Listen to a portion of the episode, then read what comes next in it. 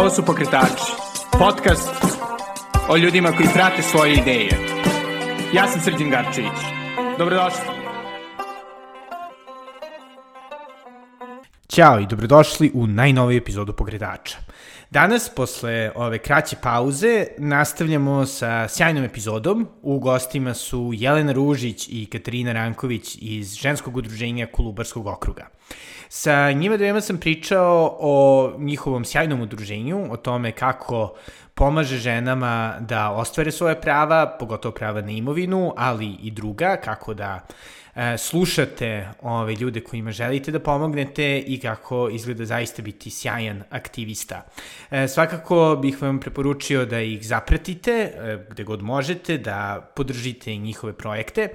Tako da, eto, zaista divna epizoda. Pre nego što čujete Jelenu i Katarinu, htio bih da vas podsjetim da možete donirati pokretačima preko Patreon, adresi patreon.com, kostcrta Belgrade. Tu ćete čuti i dužu verziju ove epizode. A sada bez duženja, ovo su Jelena Ružić i Katarina Ranković iz ženskog udruženja Kolubarskog okruga. Pa, hvala puno na, na vašem vremenu, što ste došli ovde čak iz uh, Lazarevca. I ovde smo da pričamo prvo ovaj, o, o vašoj sjajnoj kampanji koja se bavi time da žene treba da dobiju deo onoga što su njihovi preci trebalo da im ostave i da tako budu osnažene, li vaš projekat, e, to je i moj deo, ili? ne, koliki je. Koliki je, koliki je moj da. deo, sjajna kampanja. I da, kako, kako se, kako ove, žene e, reaguju na, na to?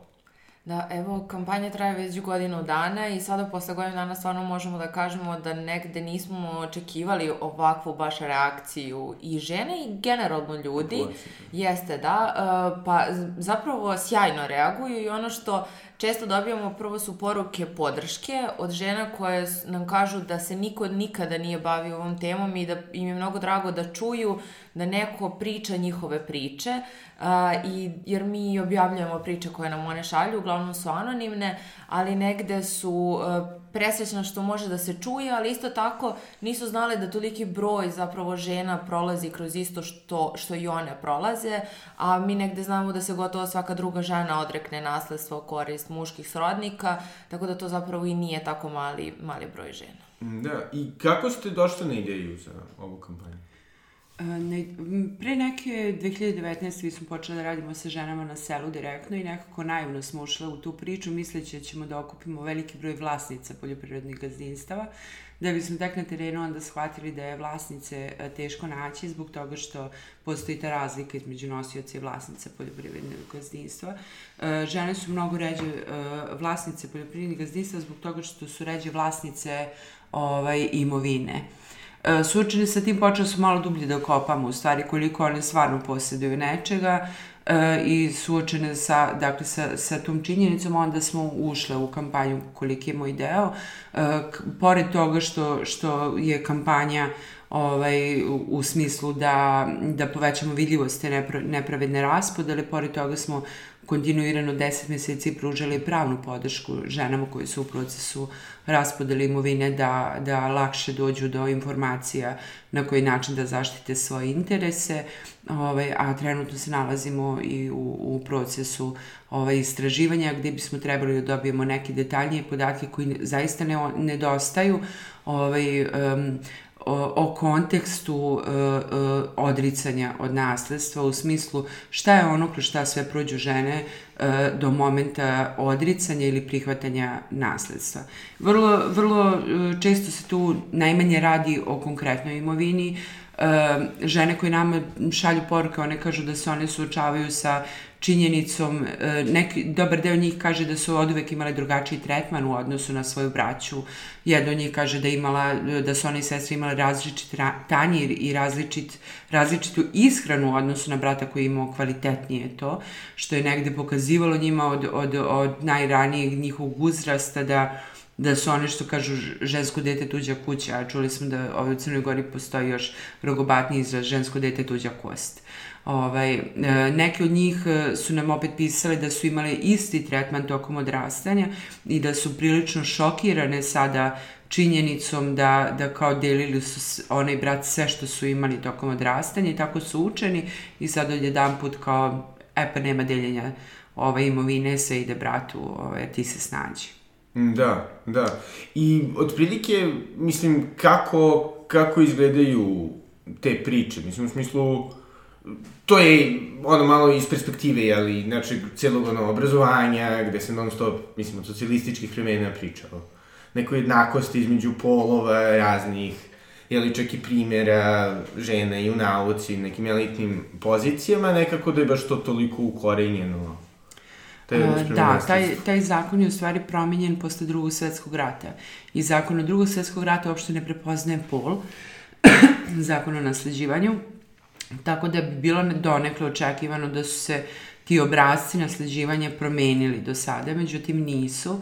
Ove, ovaj, ono što jeste e, drugačije u, u odnosu na taj neki prethodni period, žensko dete je dobilo nešto što se zvalo miraz, ovaj, i kao donekle i, i socijalni položaj porodice se merio po tome koliko miraza ti možeš da daš svojoj čerki e, da ona, ne, da ona ima neku svoju sigurnost kroz taj miraz. Sa druge strane, ne samo sigurnost, nego i neki bolji položaj unutar porodice u koju se ona udaje. Uh, sa, I onda smo mi nekako vremenom taj običaj iskorenili, miraz se više ne daje. Uh, ovaj, ali zato i dalje nasledstvo odlazi muškim članovima porodice.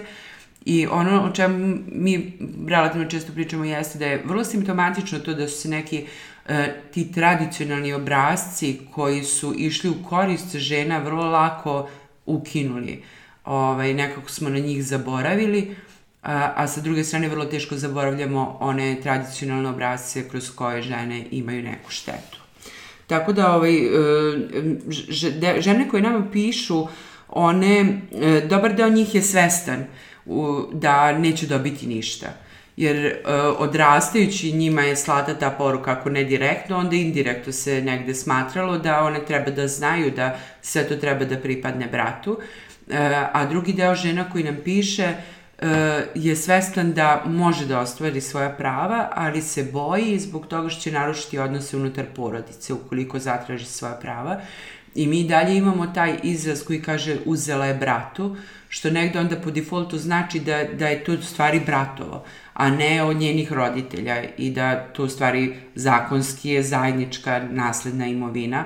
Ovaj, dakle, dalje se koristi taj termin da je neko uzeo bratu, uzeo i ujaku, E, tako da e, prosto su svesni da postoji mogućnost, velika mogućnost da će se narušiti porodi, u, unutar porodice odnosi ukoliko se odluče da zatraže svoj deo. Da. A kada one uglavnom traže svoj deo, to otprilike kada su već roditelji pred smrt ili... Da, ono što jeste bitno da mi, prosto imovina se deli onom trenutku kada dođe do ostavinske rasprave, što znači kada nam umre neko najmiliji i najčešće mi u tom trenutku ni ne razmišljamo, jel te, da, da svoju sigurnost osiguramo. I već negde, kao što je Jelena rekla, znamo šta se od nas očekuje, koji su dalji koraci. Uh, Um, I ono što je vrlo bitno jeste da kažemo da onog trenutka kada se mi odreknemo imovine, mi posle nemamo pravo da je potražujemo nazad.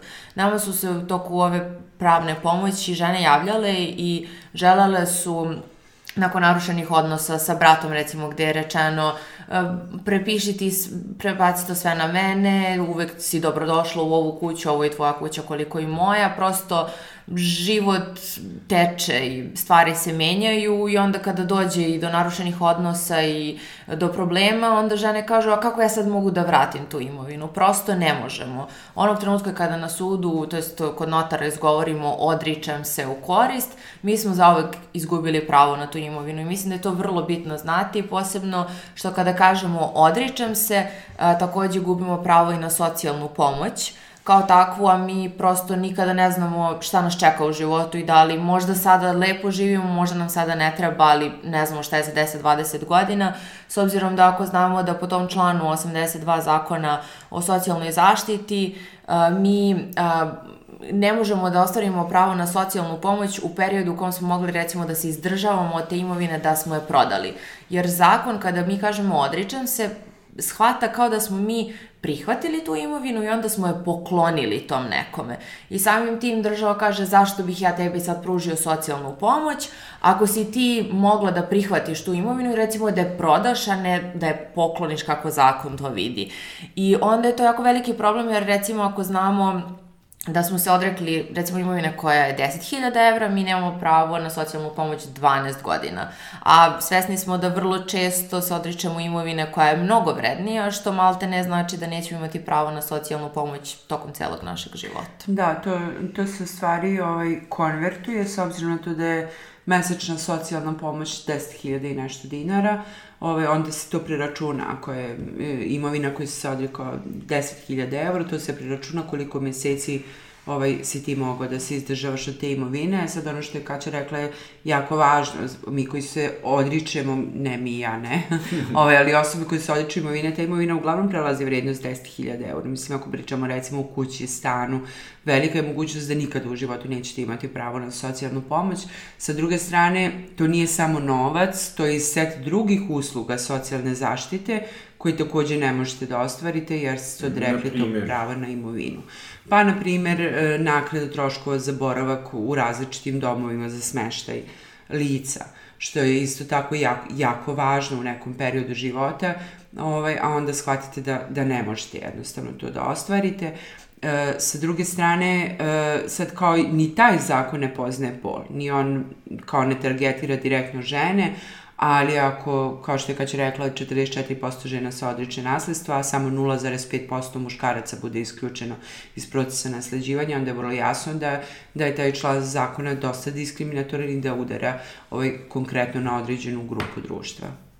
Da, da. I da ne pričamo da su žene onda stavljene u podređeni položaj, konkretno ono i, i svojim muževima, ukoliko ih imaju gde moraju... Da. Da, pa ja sam imala priliku da slušam ovaj, unutar porodice oko sebe kada, kada ovaj, kroz, negde kroz zezanje muž kaže ženi, a šta si to ti donela? Ovaj, ili kad kaže, e, ima taj izraz na, na selima kod nas govore moje je do kapije, tvoje je od kapije. Znači njegovo je do, do kapije, njeno je kad izađe iz te kapije može da ide gde hoće. Ovaj, I e, vrlo često, dakle, žena koja se uda, posebno u tim nekim višegeneracijskim tradicionalnim porodicama u kojima živi više generacija i to se prenosi sa ovaj, generacije na generaciju po osnovu prezimena, odnosno na, na muško, muškog srodnika. E, žena koja dođe u tu kuću, ukoliko ne doprinosi finansijski, pored svojim neplaćenim radom, što radi unutar te porodice, odgaja decu, brine se o, o ovaj, kućnim poslovima i drugim članovima porodice, taj njen posao se smatra toliko e, dobrim delom nevažnim i sitnim da bi ona se smatrala vlasnicom unutar tog imanja. Ovaj, tako da vrlo često se dolazi do prebacivanja, e, nedovoljnog, nedovoljno, ne, nejednakog prosto ovaj, tretmana unutar porodice e, kod žena koje se udaju, a koje nemaju ništa svoje. I onda vrlo često su i um, češće će trpiti nasilje, nemaju gde da odu, ukoliko odluče da započnu neki svoj posao, teže će ga započeti jer prosto da bismo započeli treba nam neki kapital, treba nam neki kredit na koji ćemo da stavimo hipoteku na neku imovinu i tako dalje. I uh, uopšteno, pored same činjenice što žene dosta nepovoljnijem položaju, uh, odricanjem, odnosno neposjedovanjem imovine, mi smo dodatno u lošijem ovaj, položaju i dodatno izloženije mogućnosti siromaštva. Da, ja bih dodala, jedna žena nam se javila koja je to je odlično objasnila. Ona je rekla da ona smatra da ne pripada nigde. Ona dolazi iz porodice gde, gde se video muškarac kao naslednik, gde njoj nije ništa pripalo, a onda kada se udala u muževljavoj porodici se takođe isto pratio taj običaj i negde ona kaže da o, njena porodica više od nje, njih nema podršku, oni su joj rekli ti si izabrala svoje, prosto sada se snalaziš u životu kako znaš i umeš, malte ne je rečeno da ona ne može da se vrati ako recimo želi da se razvede, da ne može da dođe više u svoju kuću, dok muž i negde njegova porodica isto šalju istu poruku da njoj tu ništa ne pripada i ona zato kaže da ne osjeća sigurnost i da smatra da ne pripada nigde, jer muž ako želi isto razvod, ona kaže on mene u svakom trenutku može da otera jer ovde ništa nije moje. A koliko godina uglavnom imaju žene koje sa vama dele svoje priče? Pa, m, zaista je različito. Ovaj, jer često dolazi do podele imanja ukoliko recimo e, de, imali smo skoro slučaj žene koja se javila njima je deda preminuo, a nemaju roditelje, tako da su oni onda ovaj, e, u toj liniji nasledstva, tako da ona je relativno mlada. Međutim, ono, e, ona se javila sa jednom tako meni se činilo naivnom pričom, možda bih i ja tako pre godinu dana pre, pre kretanja u ovu kampanju, međutim umeđu vremenu smo se naslušali takvih priča da više ništa ne posmatramo tako nekako naivno kao što smo u početku.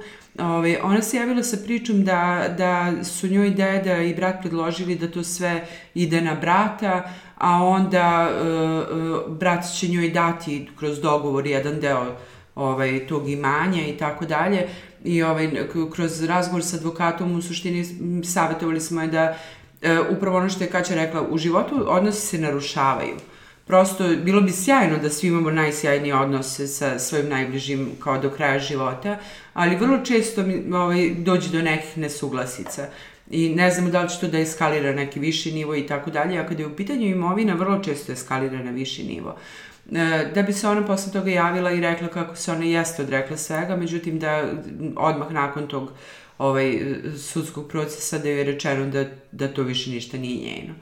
Ove, ovaj, I ono što jeste zanimljivo, mi smo, mi smo dosta tražili o tome, istraživali, nas je jako zanimala ta pozadina e, i onda smo našli e, jedan citat koji kaže da žensko u Srbiji, odnosno na Balkanu od rođenja, ima predznak odlazeće, odnosno će se udati i otići i upravo zbog toga e, ima potrebu da zaštiti taj neki odnos sa bratom jer ona njega smatra svojom zaštitom kroz taj svoj život u smislu da će otići i da joj je potrebna ne, ne, neko ko će da stoji iza nje i da zbog toga vrlo često će se odlučiti da, da se odrekne imovine samo da zaštiti taj odnos ovaj, sa svojim bratom koga ona smatra svojom najvećom životnom zaštitom.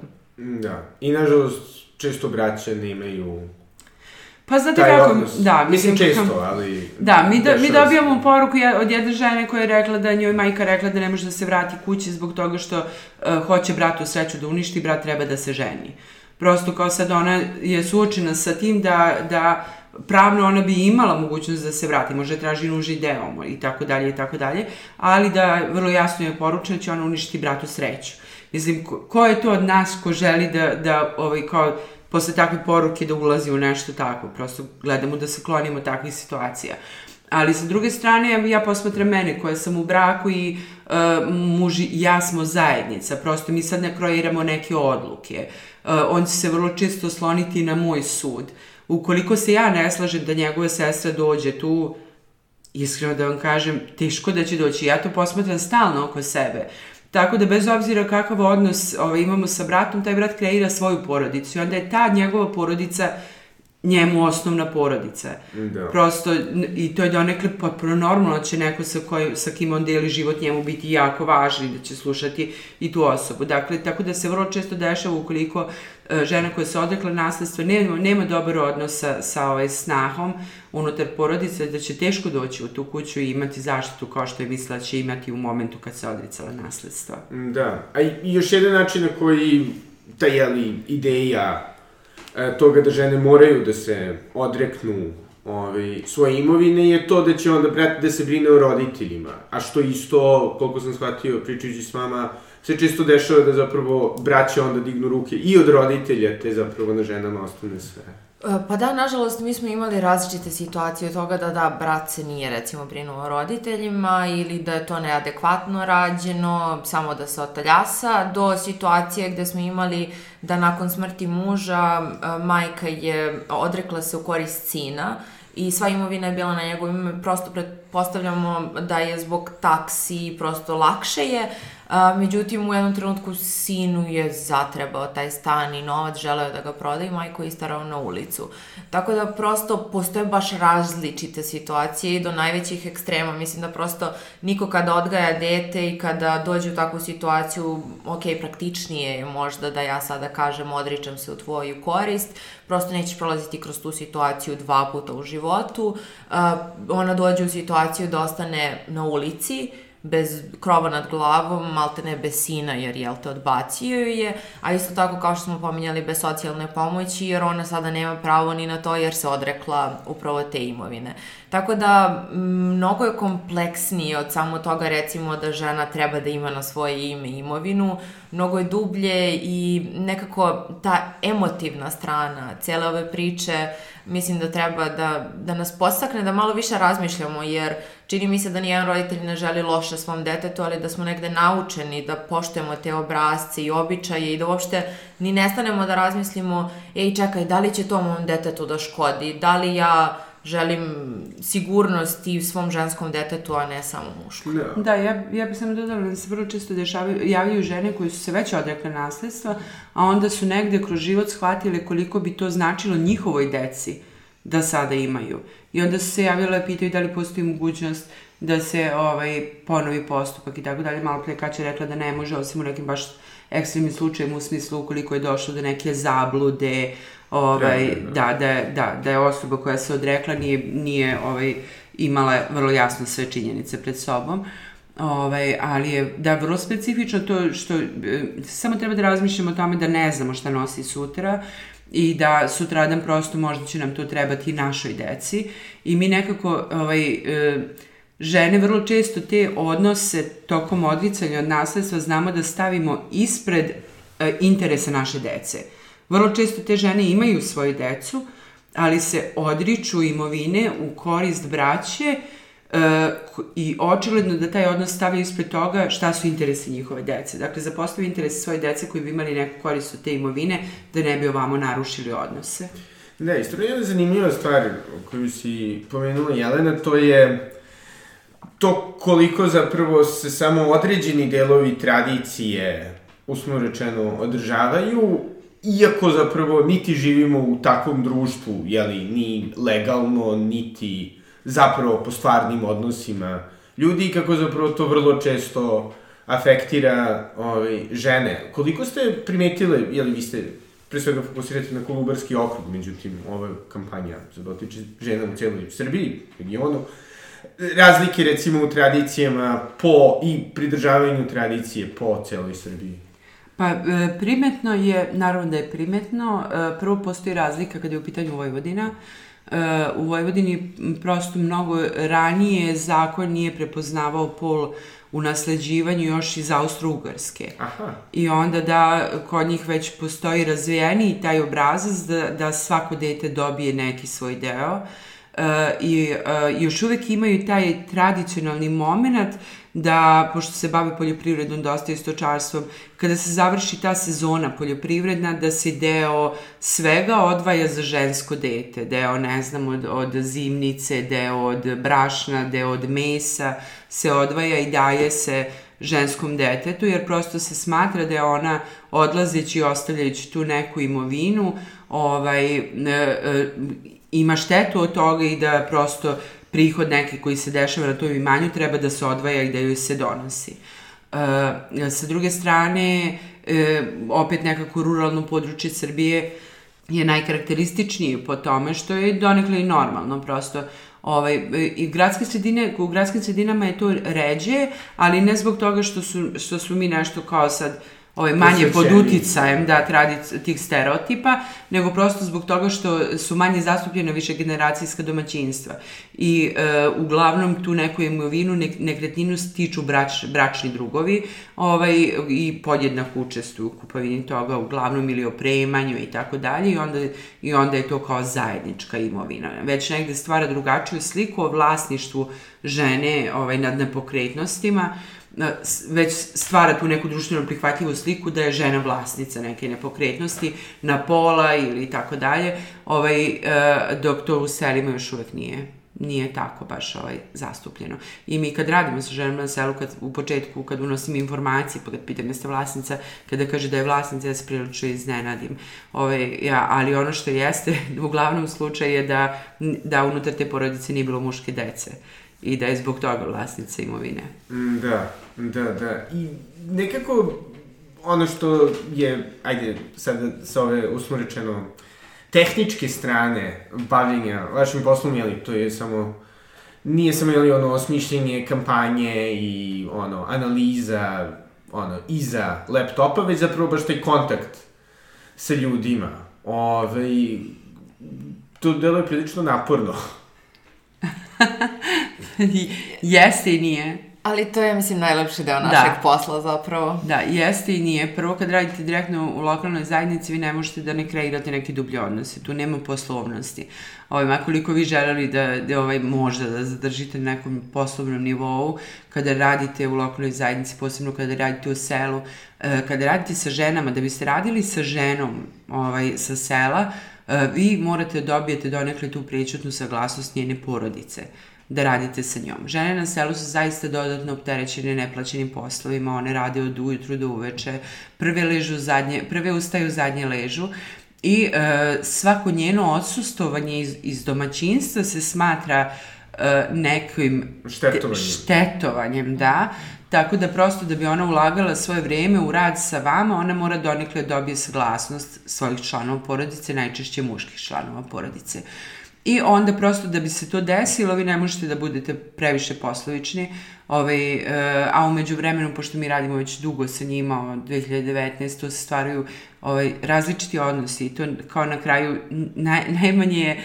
poslovno, ovaj, mnogo je više to na ljudskoj osnovi. Uh, I sad ono, ono što si rekao kao koliko je teško, a koliko, je, koliko zna da bude teško. Pa, m, prosto kao kad radite sa ljudima vi kupite različitu energiju, kao neke priče su ovaj, prilično, prilično znaju da budu traumatične, pa dođete kući pa ne znate kao opteretite se tom tuđom pričom, ovaj, dragi su vam ti ljudi, želite na neki način to da rešite, ali sa druge strane čujem, mislim, te iste žene nazovu i kad im se dešavaju neke sjajne stvari. Uh, Tako da, ovaj, ja sam juče dobila poruku jedne od njih koja je imala prethodnih dana neke probleme, pa mi je juče poslala poruku. Ja sam razmišljala, možda ja nisam trebala da ti pričam, tako šta ti ja opterećujem tim stvarima.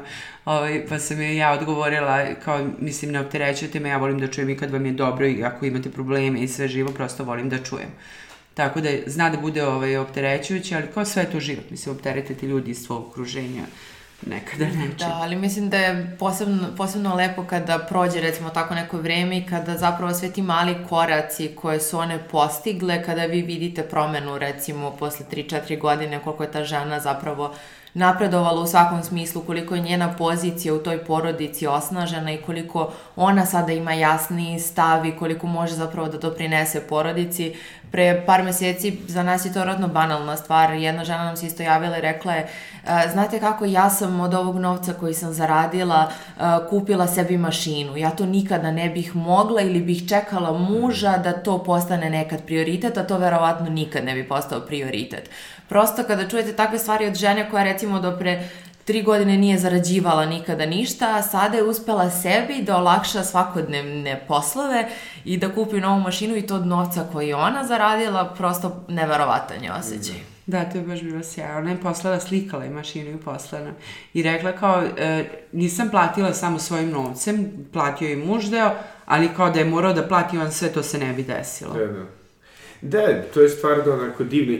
Ali baš me nekako interesuje, kakav je da vaš odnos prema većini nas drugih, koji uslovno rečeno svoj ovaj aktivizam, ono, svode na, ono, sada ću ja da ne znam, podelim nešto na Instagramu, Twitteru, ja sam toliko bitan, zato što sam toliko dobro Mi radimo i na Instagramu i na Twitteru i mislim, mislim da je to jako va važan segment ovaj, bilo s našeg zajedničkog rada.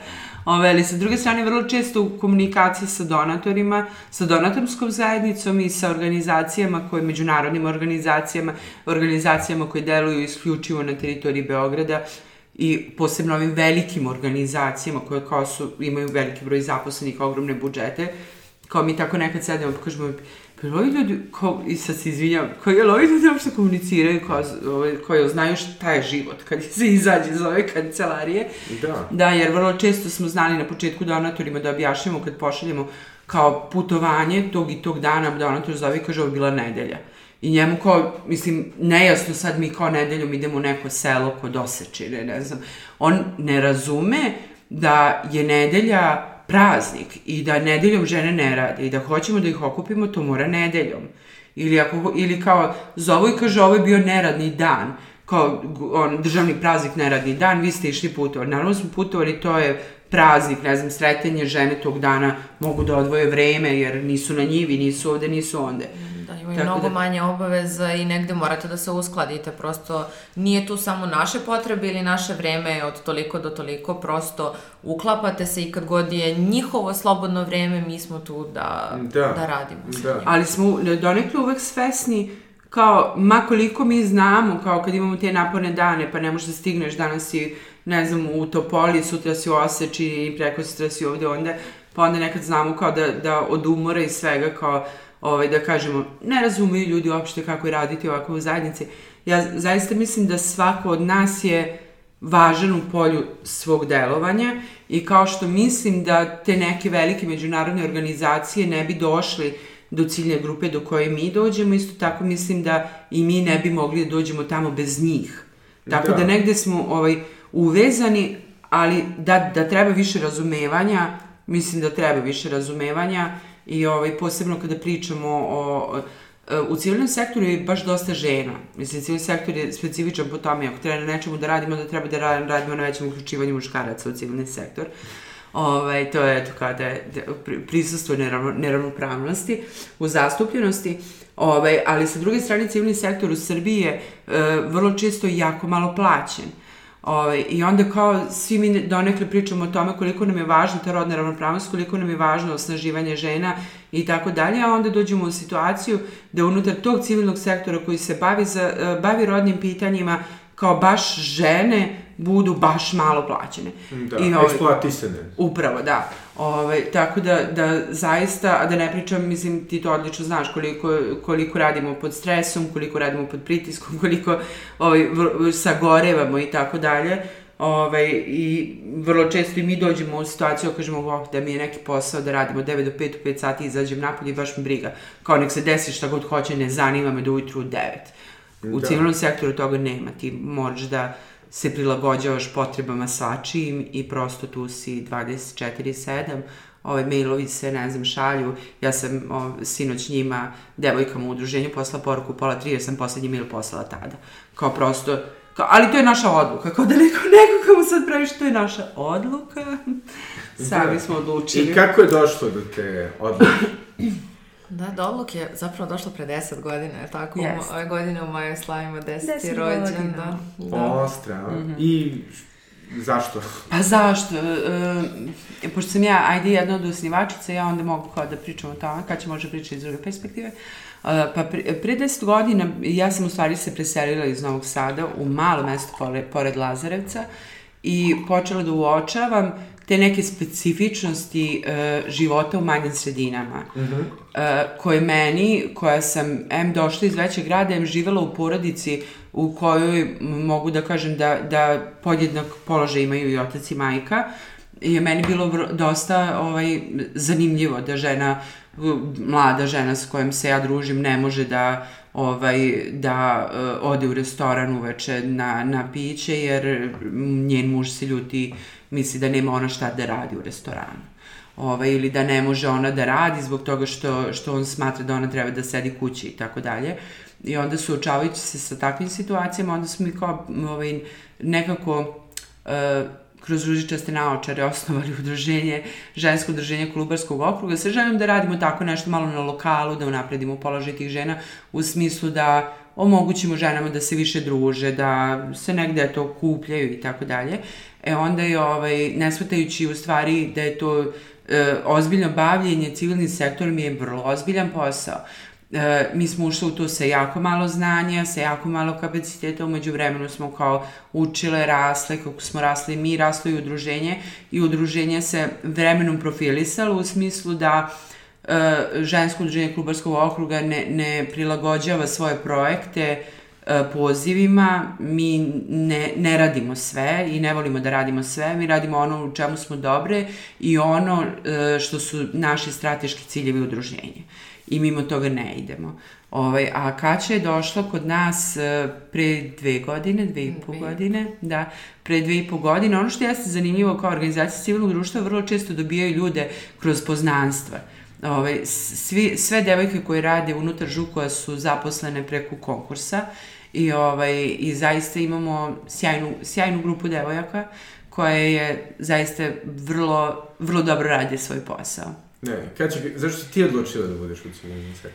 Ja, da. Ja iskreno mislim da je negde sasvim slučajno se desilo, ali mi je mnogo drago što se desilo, jer ako ćemo iskreno, ja sam u tom trenutku se vratila sa razmene, kao završavala faks i uopšte htela sam, vratila sam se u Lazarevac iz Beograda i htela sam prosto da probam nešto novo. U tom trenutku sam videla oglas za posao sasvim slučajno, drugarica iz Beograda mi je poslala i kao, ok, hajde da probamo da vidimo kako će to biti. Ja u tom trenutku nisam znala šta je projekat, kako se to piše, kako, kako sektor funkcioniše, ali nekako brzo vas uvuče ako imate tu energiju da nešto želite da menjate i da zapravo vidite probleme na, na pravi način, baš vas brzo uvuče sektor. Tako da, iskreno sad, evo, posle dve i po godine, iskreno da sam, htela, da sam tada znala da biram, sigurno bih ovo izabrali, ono, baš, baš super je da kroz različite načine možemo da utičemo na, različite ciljne grupe, pošto ja negde najviše vodim društvene mreže i ja sam ono aktivista na, na, na mrežama, da, da, da, ja sam taj, taj deo u timu e, i negde osoba koja vas e, smara ono kao da delite te stvari koje mi radimo, tako da i da negde proširimo vidike, Tako da ja sam baš, baš srećna što na taj način mogu da doprem do puno ljudi. Mm, da, da. Dobro, je, jede, mislim, donekle pogrešna percepcija civilnog sektora je da zapravo tu niko ništa zapravo ne radi, nema nikakav zapravo impakt. Dosta često ko neko ko je čitao i pisao te ovaj, da kažem, studije toga šta je zapravo impakt bilo koga projekta, to je prilično, mislim, smešno, izmišljeno, dok vi zapravo imate Ja, neke, Kako? mislim, ono, menjate, da. menjate stvari, da, ima... Ali mi ne radimo, da. da, ono po čemu smo mi specifične, mi, e, dosta organizacija civilnog društva ima ljude unutar e, timova koji pišu projekte. Mi uglavnom e, tu nemamo naše projekte, pišemo svi mi unutar tima. U smislu da sednemo pa ih razvijamo u kancelariji pa kažemo a šta mislite ovo, a je li ima neko predlog kako da ovo i tako dalje. I, ovaj, I naši projekti su rađeni, mi smo uloženi u te projekte, u smislu da idemo u njih emotivno od početka, misleći da to nešto može da promeni.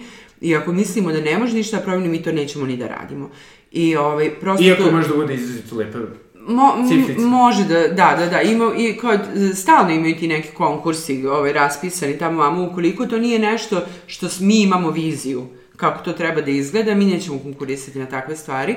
A sa druge strane, ovaj, Kaća ga sad ovaj, krenuo nešto kaže, za, verovatno znam šta hoće da kaže, naše, većina naših projekata su napisani tako što smo mi pre, e, primetili problem, pa sedeli u kancelariji, pa rekli mi ćemo na ovome da radimo. Hoćemo da uradimo to, to i to i onda taj projekat čeka da iskrsne neki poziv u koji se on uklapa. Znači, prosto kao... E, znači, imate portfolio stvari koje čekaju da budu. Pa pro, kao idejno, u smislu prosto, kampanje da, ali... za izmenu, trenutno, izvini, radimo na inicijativi za izmenu tog spornog člana zakona 82 za socijalne zaštiti, jeste. Ovaj, e, kako, je, kako je došlo do inicijative? Tako što smo mi krenuli u kampanju, počeli da dobijamo informacije i onda nam se javila radnica Centra za socijalni rad i otkrila nam kako taj član zakona utiče na, na siromaštvo žena. I onda smo mi kao suočene sa tom činjenicom sedeli u kancelariji kao rekli mi, mi ćemo nešto radimo na ovome, mi hoćemo menjamo taj član zakona ovaj, i e, odlučile da ga menjamo. I onda počele da kao već ceo koncept, mi smo već krenuli u to bez ikakvog fondova, bez ikakvih fondova, bez ikakvih projekata, nego prosto zato što kao želimo da se to desi, mislimo da je važno. Ovaj, i e, e, nastavak i kampanje i inicijativu. U stvari kasnije smo dobili tako što smo pričali da je to važno i razgovarali sa donatorima. Ovo je jako važno, ovo je važno, ovo je važno, digli to na nivo važnosti kao što i treba da ima i onda dobili podršku. Ali i dalje, recimo, kroz, kroz tu inicijativu mi dođemo u situaciju da organizujemo neki događaj koji kao sedimo u kancelariju kao nema novca za ovo, ne postoji. To ne postoji u projektu ovaj, ali mi želimo da se to desi. I onda kao pozivamo donatore, ispričamo našu priču i, i onda neki od njih se javaju i kažu mi hoćemo to da finansiramo, mislimo da je važno.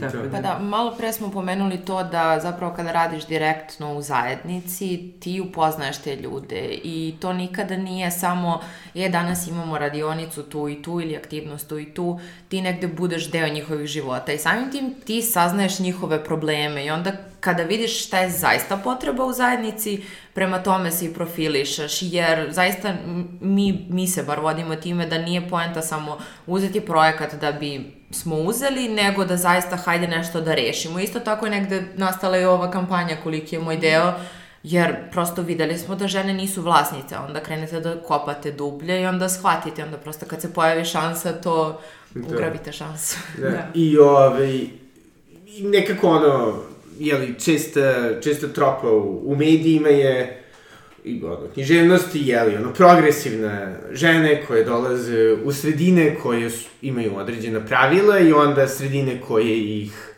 baš ne prihvataju. Kako, kako vaša sredina reaguje na, vaše Da, mi već duže, duže radimo na tom nekom području, trenutno radimo u 10 opština i kampanju na nacionalnom nivou, ovaj, ali nas zajednica čini mi se lepo nas prihvata, e, a zbog toga što mi stvarno radimo u zajednici, mislim, mi, mi smo tu sa tim ženama, ovaj, komuniciramo kontinuirano, imamo grupe na, na Viberu gde, gde su poljoprivrednice sa teritorije Kolubarskog okruga i onda ti u svakom momentu znaš da li neka ne može da proda kupus, jedna se javlja, ali imam tone kupusa, ne znam da ga plasiram, jedna kaže imamo problem sa, ne znam, obnovom registracije i tako, mislim, kontinuirano ste u toku sa njihovim problemima i potrebama, ali ono što mi nikako ne radimo jeste da ne, mi ne odlazimo u zajednicu da kažemo šta njima treba.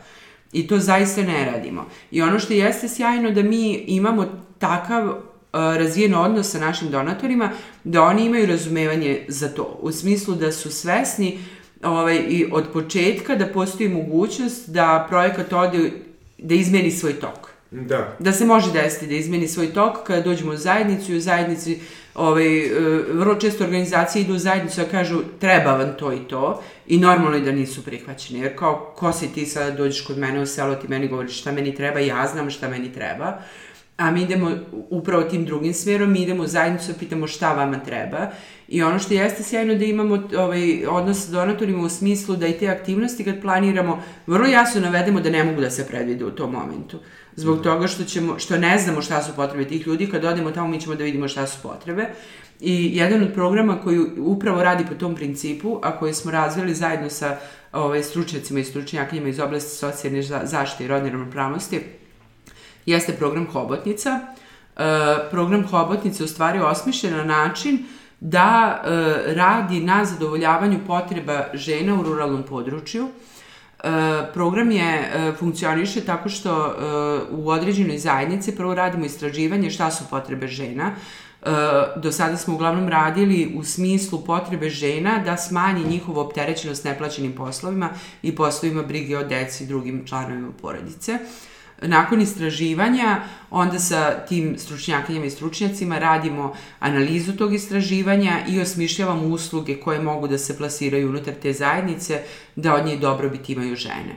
E, Na primjer. Na primer, recimo, poslednji put hobotnica je rađena u Mionici i Lajkovcu, na osnovu upitnika koji su one popunjavale, došlo se do toga da njima treba usluga prevoza, jer ne postoji uspostavljen sistem javnog prevoza na području Mionice. Zatim su rekle da im je jako teško da se decom savladavaju gradivo, posebno iz engleskog jezika, jer one ne znaju engleski jezik. E, rekli su da im je potrebna psihološka podrška, da im je potrebna e, p- pregledi doktora opšte prakse, jer ima to, e, iako recimo u centru Mionice u gradskom delu, odnosno u urbanom naselju, ima e, dom zdravlja i sve, njima to zahteva da izdvoje vreme, da odu tamo, zahteva da izdvoje neki novac, da plate da gorivo, da ih neko odveze, zahteva ovaj, da, da ostave sve one poslove kući, da ostave životinje, stoku, da ostave druge obaveze tako da im treba neko, treba im e, pregled doktora opšte prakse e, kod njih u selu. Onda im treba im e, pravna pomoć, e, treba im, i ono što je jako zanimljivo, treba im razbij briga. Treba im da se druže, da se okupe sa ženama koje one ne poznaju, da razgovaraju o nekim skroz nevažnim temama, da pričaju o tome šta su njihovi hobiji, da čitaju, da, da se bave svim onim što je nama u gradu dostupnije, zbog toga što su one u selu vrlo ograničene uh, teritorijalno, da, teritorijalno, teritorijalno ograničene. Znate kako, vi u selu imate oko vas četiri kuće I to je vaše okruženje, to su ljudi s kojim se vi družite. To je vaš community. Upravo, vi sad kao, da, da li vama ti ljudi prijaju, da li su to stvarno ljudi sa kojima vi gradite sebe, postižete više, unapređujete se, je vrlo upitno. Ali to su ljudi na koje ste vi oslonjeni i za razliku od nas u nekim gradskim sredinama ne možete da birate. Tako da njima vrlo su često socijalno isključene, ne putuju, ne viđaju rodbinu, ne viđaju prijatelje iz neke mladosti i tako dalje. Tako da su njihove potrebe različite. E sad, ne postoji set usluga koje lokalna samuprava ili bilo koja institucija pruža na takav način. Jer prosto kao budžet, kao budžet lokalne samuprave, on ima tamo neke programe i, ne znam, programe danes socijalni dečja zašta, on pruža uslugu tu i tu. Ali ne pruža uslugu časova engleskog jezika za decu. Vrlo često ni ne vidi kakvu dobrobit od toga imaju žene, nego to isključivo ide u sektor obrazovanja ne vidi se uopšte šira slika toga kakav doprinos to ima ženama na selu.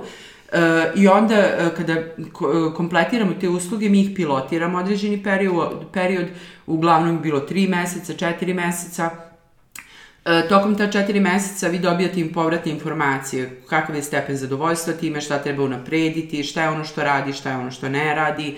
Vrlo često tokom istraživanja e, ne, žene kažu treba nam to, a kad krene pilotiranje vidi se da im uopšte možda i ne treba ta usluga u toj meri u kojoj su oni pokazali zainteresovanost, nego su razvili neki svoj sistem funkcionisanja da zadovolje te potrebe. Uh, Ovaj, e, I kad se sve to završi, e, onda kroz e, celu analizu tog i pilotiranja i svega, mi dobijemo jedan dokument kroz koji u stvari je preporuka lokalnoj samupravi na koji način ona može da kombinuje različite budžetske programe, da napravi set usluga koji će pomoći ženama u tom području i koliko konkretno te usluge koštaju, koliko mora da se iz budžeta izdvoji. Mi smo do sada kroz to istraživanje došli do iznosa od 16 dolara po ženi korisnici na mesečnom nivou za sve usluge, što zaista nije nikakav da. iznos, da. odnosno 200 dolara na godišnjem nivou ovaj, po korisnici.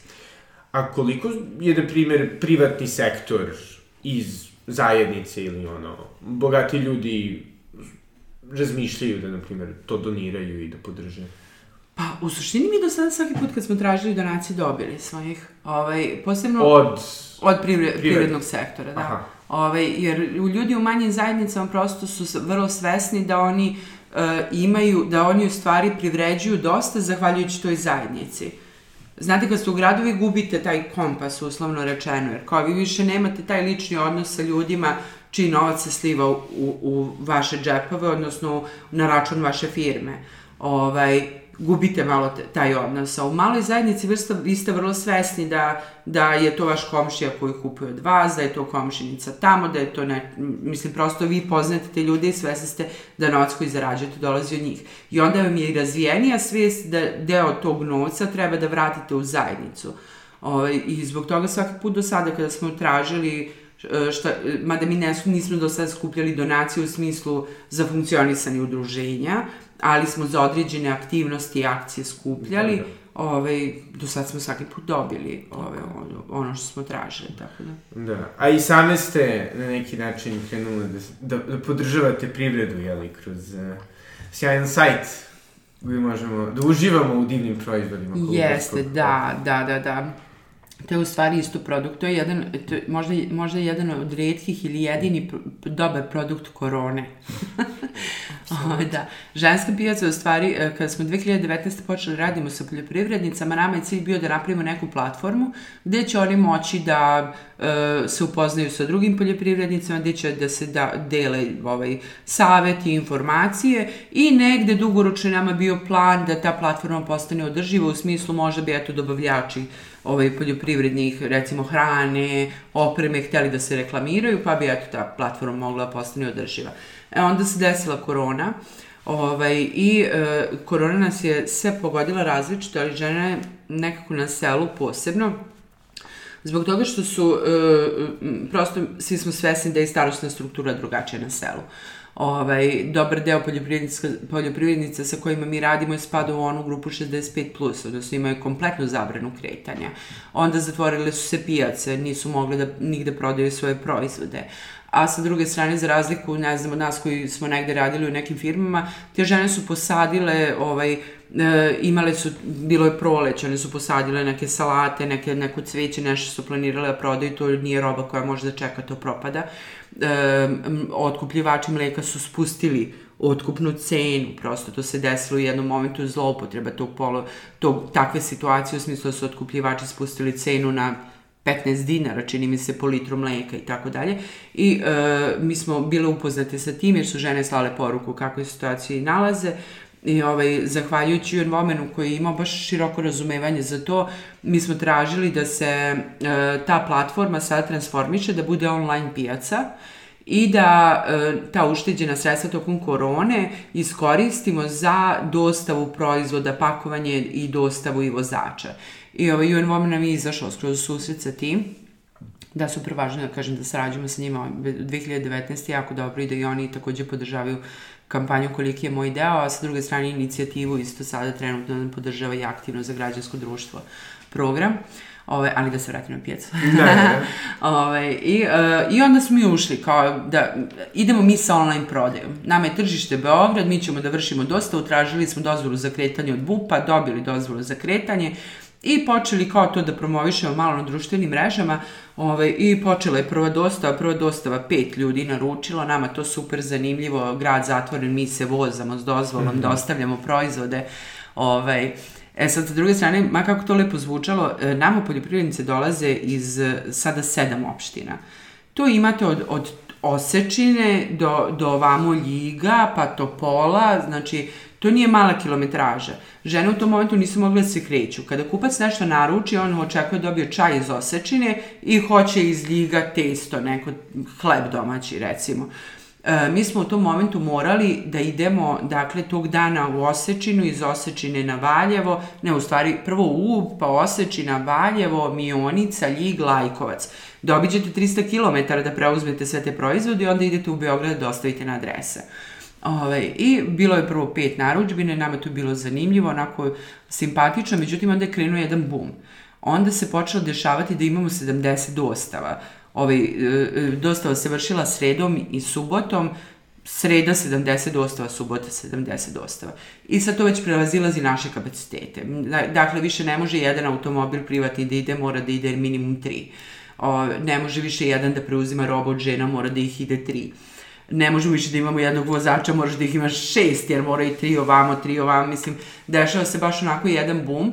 Uh, I uh, ta pijaca je radila tri meseca do momenta našeg sagorevanja, da smo shvatili da sada ceo rad udruženja se svodi na rad pijace, o platforme, uh, prestala je sa radom, pauzirali smo dva meseca i onda ponovo podigli platformu, ali umeđu vremenu smo radili na osnaživanju poljoprivrednica da sad one mogu same da E, vode platformu, u smislu ažuriraju, unose proizvode, e, komuniciraju s kupcima, os, e, pakuju svoje proizvode, dovoze ih u, u mionicu, pakuju na osnovu naručbina ovaj, i sve ostalo, tako da trenutno naše udruženje radi posrednički posao u smislu da e, vrši e, dostavu proizvoda do, do krajnjih kupaca i maltene skoro više ništa. Ta, trenutno smo samo posrednici u tom procesu, ali to je ono što je sjajno, kao toliko su te žene ojačale od one početne faze iz 2019. kad nisu koristile mail uopšte, kad kao upišite na svoj mail, nema mail, kako nemate dajte mi telefon, pa smo onda kao učili kako se koristi mail od tih osnovnih stvari,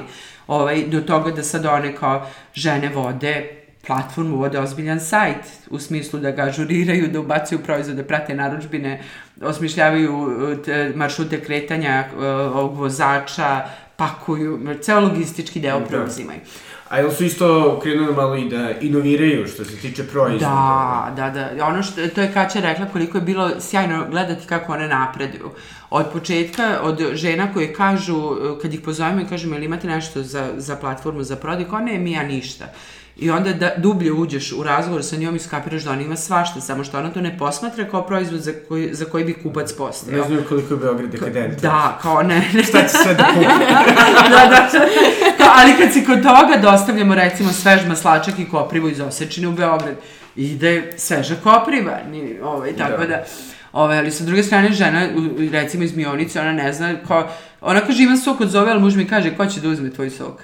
Od zove, kome treba tvoj sok od zove? Kao, prosto ti proizvodi koji su unutar njihovog porodi, porodice, domaćinstva, oni to nisu smatrali, postoji tržište za tako nešto.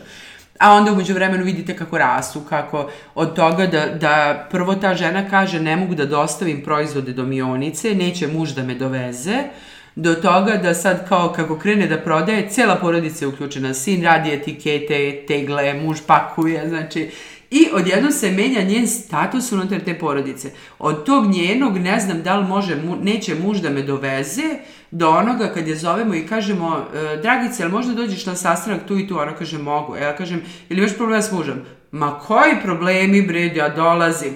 Znači, prosto vidiš njen rast kroz taj ceo proces i ono što je sjajno, ovaj, ta platforma trenutno ima, ja mislim sad već 5,9 miliona dinara prometa i, ovaj, i e, ceo taj prihod odlazi poljoprivrednicama i, ovaj, i funkcionalna je, dostava se vrši svake nedelje, dostava proizvoda se vrši svake nedelje kupcima na teritoriji Beograda i ovaj, iskoristit ću ovu priliku da reklamiram, ovaj, mo, mogu da poruče na www.ženskapijaca.rs I ovaj, jel postoji još neki projekti koje želite da Pa što, kao, ž, ne, ne šaramo previše, kao, da. kao Žuko ima ta neka četiri strateška pravca. Jedan nam svakako jeste da napravimo neku održivost organizacije, kao, ovaj, kao takve. Jedan je ekonomsko osnaživanje žena i tu ovaj, trenutno se najviše bavimo tom ženskom pijacom. O, zatim nam je, ono što, što je jako važno i vrlo primetno, Malo pre sam rekla kao starostna struktura u selima je drugačija, međutim Klubarski okrug je možda predivan i zbog toga što 70% stanovništva živi baš u seoskom području. I ovaj, tamo baš vidite kao tu specifičnost te seoske sredine koja je sjajna. Uh, I kada radite sa, sa uh, ženama na selu, sa ljudima na selu uopšteno, vi baš imate da radite. Kao nije, nije ovaj, za razliku od nekih tamo južnih delova ili ne znam zapadnog dela Srbije gde možete da ovaj, kao su sela ostala malte ne pusta, ovde ne, ovde su sela puna, ovaj, sela žive i e, kad dođete da pitate šta je vaš problem, čućete svašta imaćete na, na svačemu da radite. Tako da ovaj, uglavnom se bavimo uh, uh, time što smo, što smo nabrojali i negde ne šaramo previše, čini mi se. Da. Tako. I evo, i šta biste recimo savjetovali nekome ko, eto, želi na neki način da pomogne svojoj sredini, uh, a da mu nije dovoljno samo što povremeno šeruje stvari na, na instaću. Da, ja, ja bih rekla da je to neka vrsta aktivizma, da prosto ne, ne. ne, ne treba da umanjujemo, ali i samo, samo ta, mi negde nekad pominjamo da razgovor sa ljudima oko nas, da prosto uh, otvaranje tema drugim ljudima oko nas može mnogo da doprinese, jer uh, ja ako nešto saznam novo, ja ću otići kući, pričat ću sa mamom, tatom, bratom, tetkom, otići ću na kafu sa drugaricom i negde mislim da će to doprineti. Uh, Tako da svakako uvek mogu da se aktiviraju i da pomognu udruženjima, da, da nađu gde bi oni možda voleli svoje vreme da utroše, možda da volontiraju na neki način, da pomognu nekim akcijama, jer to uvek ima doprinose i samim tim ako vidimo zaista kako ljudi žive. Ja pre nego što sam počela da radim u ženskom udruženju, u redu, bila sam na selu, znala sam, ali zaista nisam znala te prave, krucijalne probleme i kako zaista izgleda život jedna žena na selu, da ona ustane u šest, da krava mora da se pomuze svakog dana u i tačno vreme. Malte ono kao bebu kad imate pa na tri sata, vi ne možete nigde da otputujete. Tako da negde samo ako smo eto otvoreni da, da vidimo kako stvari funkcionišu, već smo dosta uradili. Da, da, pa mislim baš sjajno si objasnila. Ovaj, sa druge strane mi kao posebno kad radimo ove kampanje nacionalne i sada inicijativu e, u kojoj inače pored nas uključeno još 14 organizacija i ovaj, inicijativa za izmjenu tog člana zakona ima i svoj pravni tim i PR tim iz tih organizacija koji su zaista fantastični iz cele Srbije. Ovaj, e, svako ko mi se svidi priča i ko bi želeo da da neki doprinos kroz tu inicijativu može da se javi nama ovaj, jer zaista su nam ljudi jako važni kroz tu inicijativu, e, kao i svaka inicijativa, kao kad nešto menjaš, što treba da prođe kroz, kroz prosto sistem kao promena, zahteva ljude koji stoje iza njega. Makoliko dobra ideja bila, ovaj, zahteva da se vidi ko su ti ljudi iza njega, koliko ih ima, jer ovaj, ukoliko kao bilo kakva ideja nema podršku ljudi, onda je to samo kao besmisao, kao zašto raditi na nečemu što nema podršku ljudi i na nečemu što ljudi ne vide da je važno da, da se promeni. Tako da mogu da nam se jave ovaj, kačene, kače na svim društvenim mrežama i prati, komunicirat će sa njom kad se jave uglavnom, ovaj, neka se jave da e, mogu da, da se priključi nekoj od organizacija koje su unutar naše inicijative ukoliko su iz drugih delova Srbije, ovaj, e, mogu da, da e, možemo da ih kontaktiraju mi kad budemo imali neke aktivnosti vezano za inicijativu u, u tim delovima Srbije, ovaj, zaista nam je kao jako, va, ljudi su nam jako važni.